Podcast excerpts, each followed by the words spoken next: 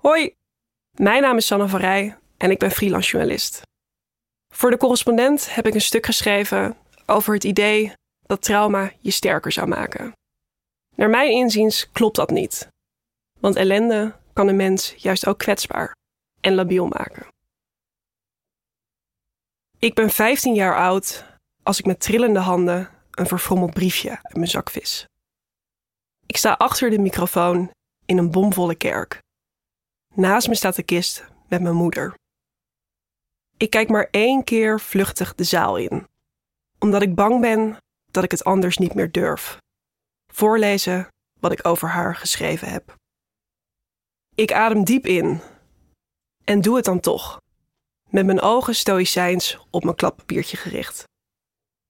Naderhand sta ik met een stuk taart in de buurtkroeg. Ik geef handjes en knuffels. Sommige mensen vertellen honderd uit over hun band met mijn moeder. Er is ook iemand die met betraande ogen mijn handen vastpakt. Een paar keer in mijn vingers knijpt, terwijl ze me toespreekt. Toen ik jou achter die microfoon zag staan, zei ze. Ze pauzeert even, kijkt me glimlachend aan. Je bent hier nu al sterker door geworden, lieverd. Jij wordt een hele grote. Dat weet ik zeker. Ik zat in de vierde klas van de middelbare school toen ik mijn moeder aan zelfdoding verloor. Dat was een traumatische ervaring. Ik wist dat ze al jaren ernstig depressief was, maar had nooit verwacht dat ze een einde aan haar leven zou maken. Toen mijn broertje twee jaar geleden psychotisch werd, had dat een vergelijkbare impact op me. Ik was bang dat hij er niet bovenop zou komen, hem hetzelfde lot als mijn moeder zou wachten. Hij werd opgenomen in dezelfde kliniek als zij, waardoor tijdens de bezoekuren de wond langzaam werd opengekrapt. Dan zag ik mijn moeder weer in de gemeenschappelijke, spierwitte woonkamer zitten, lurkend aan een sigaret, haar wangen nog nat van de tranen. Toch ging het, ondanks de psychose van mijn broertje, goed met me. Zoals het dat na de dood van mijn moeder ook was gegaan. Ik fietste de afgelopen tien jaar door een middelbare school en vervolgopleiding heen. Maakte nieuwe vrienden. Had altijd genoeg werk. Soms zeiden mensen dat ze dat knap van me vonden.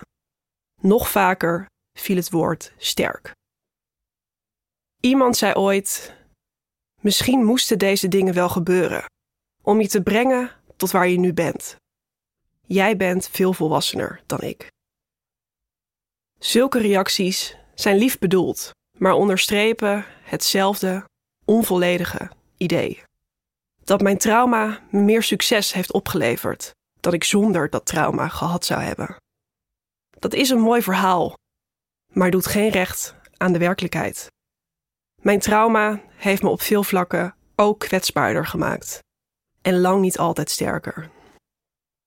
Wie goed oplet, ziet dat we de verheerlijking van trauma met de paplepel krijgen ingegoten. Het was de Duitse filosoof Friedrich Nietzsche die het in 1888 voor het eerst opschreef. Was mich nicht umbringt, macht mich sterker.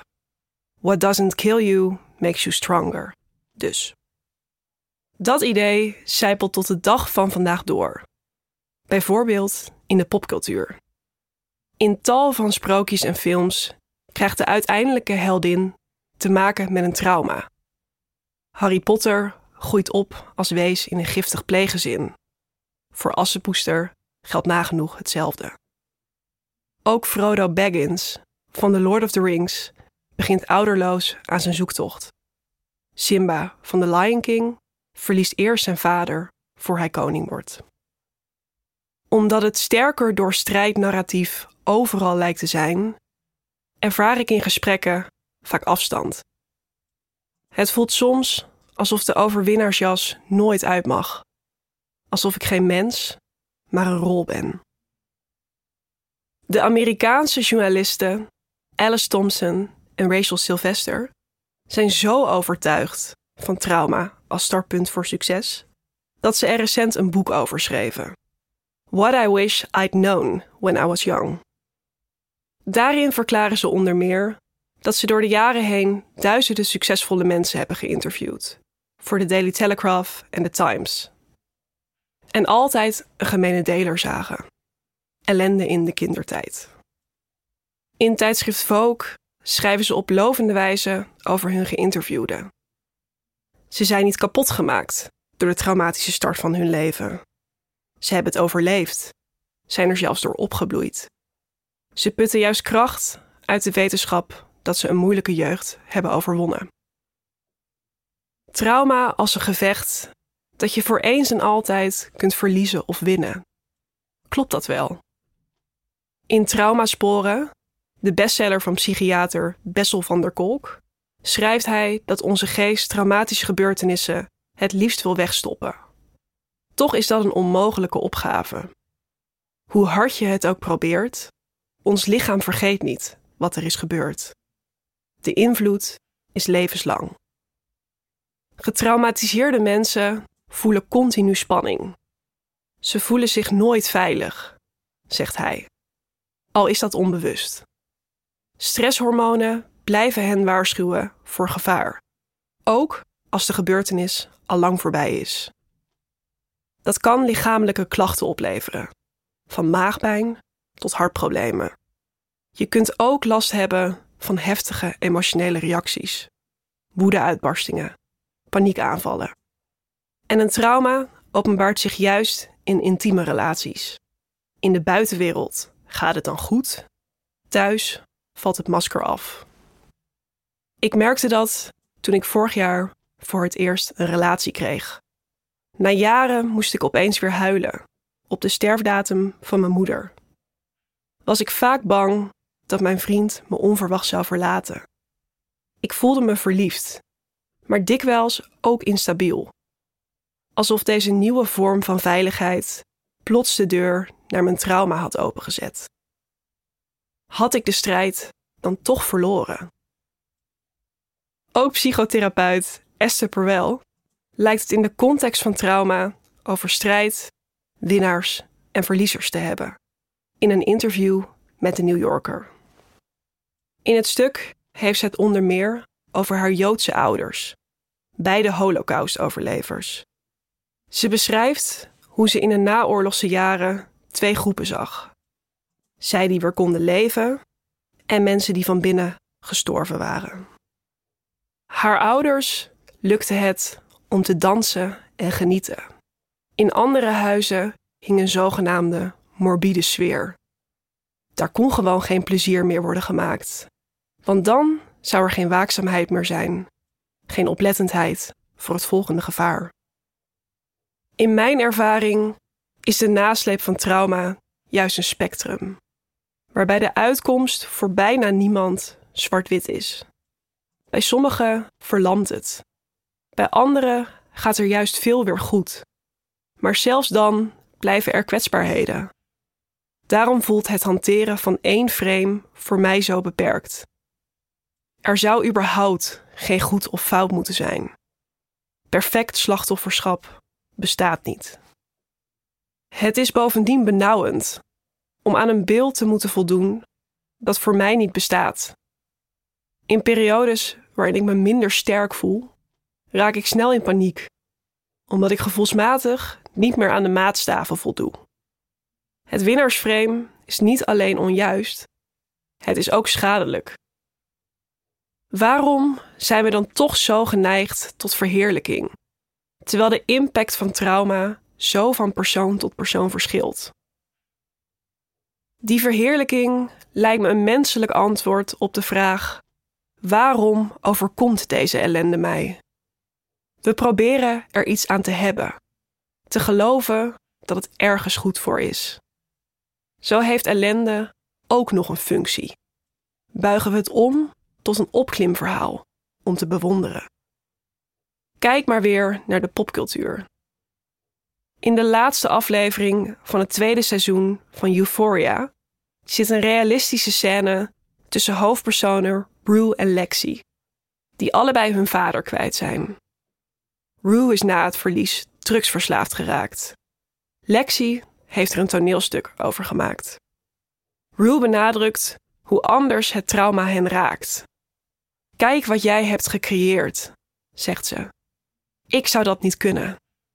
Ik weet niet hoe ik kom waar jij bent. Later zegt ze: Toen mijn vader stierf, zei iedereen dat zijn dood een reden had. Dat maakte me altijd zo boos. Ik kon die mensen echt wurgen. Wat ze eigenlijk bedoelen, is dat je er zin aan moet geven. Volgens de Amerikaanse therapeut Whitney Goodman zijn we vandaag de dag geobsedeerd met positiviteit. Zo schrijft ze in haar boek Giftige Positiviteit dat positiviteit heel nuttig kan zijn, maar ook verkeerd uit kan pakken. Omdat ze ontkent dat het slechte bestaat, dat het leven soms tegen kan zitten. Dat mensen verschrikkelijke dingen kunnen overkomen en daar niet altijd een positieve kant aan zit. Misschien zijn we door die obsessie wel geneigd om zelfs trauma opgewekt te benaderen. Dat je er in ieder geval sterker door wordt, het je weerbaarder maakt. Het ook een kans is, niet alleen een probleem. Maar deze benadering helpt vooral gesprekspartners en niet degene die het trauma heeft ervaren. Het geeft mij juist het gevoel dat ik me flink moet houden, om niet als verliezer uit de bus te komen. Ik zag mezelf hierdoor een tijdje als een soort uitverkorene. Als iemand die dit allemaal wel moest overkomen, om erover te kunnen schrijven, veerkrachtiger te worden. Dat leverde een eenzaam gevoel op, omdat ik mezelf nooit helemaal kon laten zien. Pas toen een intieme relatie door die verdediging heen wist te prikken, merkte ik hoeveel verdriet ik had weggestopt. Alleen al omdat daar doorgaans geen ruimte voor was in gesprekken. De focus lag altijd op hoe sterk ik eruit was gekomen, niet waar ik nog in zat. Er zijn ongetwijfeld mensen die het gevoel hebben dat ze wel sterker zijn geworden door hun trauma. Maar er is ook een hele groep voor wie dat niet geldt. Of in ieder geval niet volledig. In tegenstelling tot de afgeronde succesverhalen die de popcultuur zo graag stuurt. Voor hen zou ik het soms van de daken willen schreeuwen. Dat je er ook toe doet als je je trauma niet inzet. Dat het logisch is om je soms fragieler te voelen door wat je hebt meegemaakt. Om problemen te hebben met vertrouwen, veiligheid, binding. Het helpt mij persoonlijk meer als de ander dat erkent. Niet alleen focussen op het krachtige, maar ook op het kwetsbare. Op het spectrum dat trauma echt is en de prijs die je daarvoor blijft betalen, hoe groot of klein ook. Laatst gebeurde dat onverwas. Toen ik het met iemand over een persoonlijk essay over mijn overleden moeder had. Ze zei niet hoe sterk ze dat vond, maar vroeg: Zeg eens eerlijk, heeft het je uit balans gebracht, het schrijven van dat stuk? Alles wat ik toen wilde, was haar knuffelen, omdat ze voor de verandering niet nuchter of relativerend reageerde en bovendien gelijk had. Ik vertelde hoe gespannen ik me tijdens het schrijfproces had gevoeld. Dat ik weinig eetlust had, geprikkeld werd door kleine dingen. Door haar open vraag zwakte ik mijn negatieve ervaringen voor het eerst niet af, hoe onnatuurlijk dat ook voelde. Haar antwoord was: Weet je wat pas raar zou zijn? Als het je niet uit evenwicht zou brengen. Daar, in een zonovergoten tuin, voelde het alsof mijn trauma niet alleen van mij was.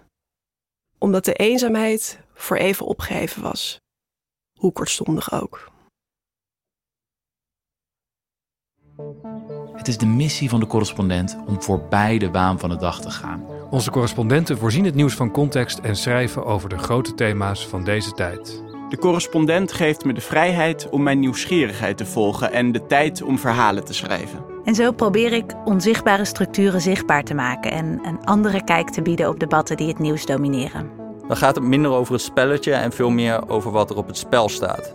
Vanaf dag 1 zijn onze artikelen, boeken en podcasts gefinancierd door onze leden. Volg ons op onze journalistieke zoektocht. Overweeg eens lid te worden van de correspondent. En maak daarmee samen met ruim 70.000 anderen onze onafhankelijke journalistiek mogelijk. Dus word lid van de correspondent. Ja. Word lid. Word lid.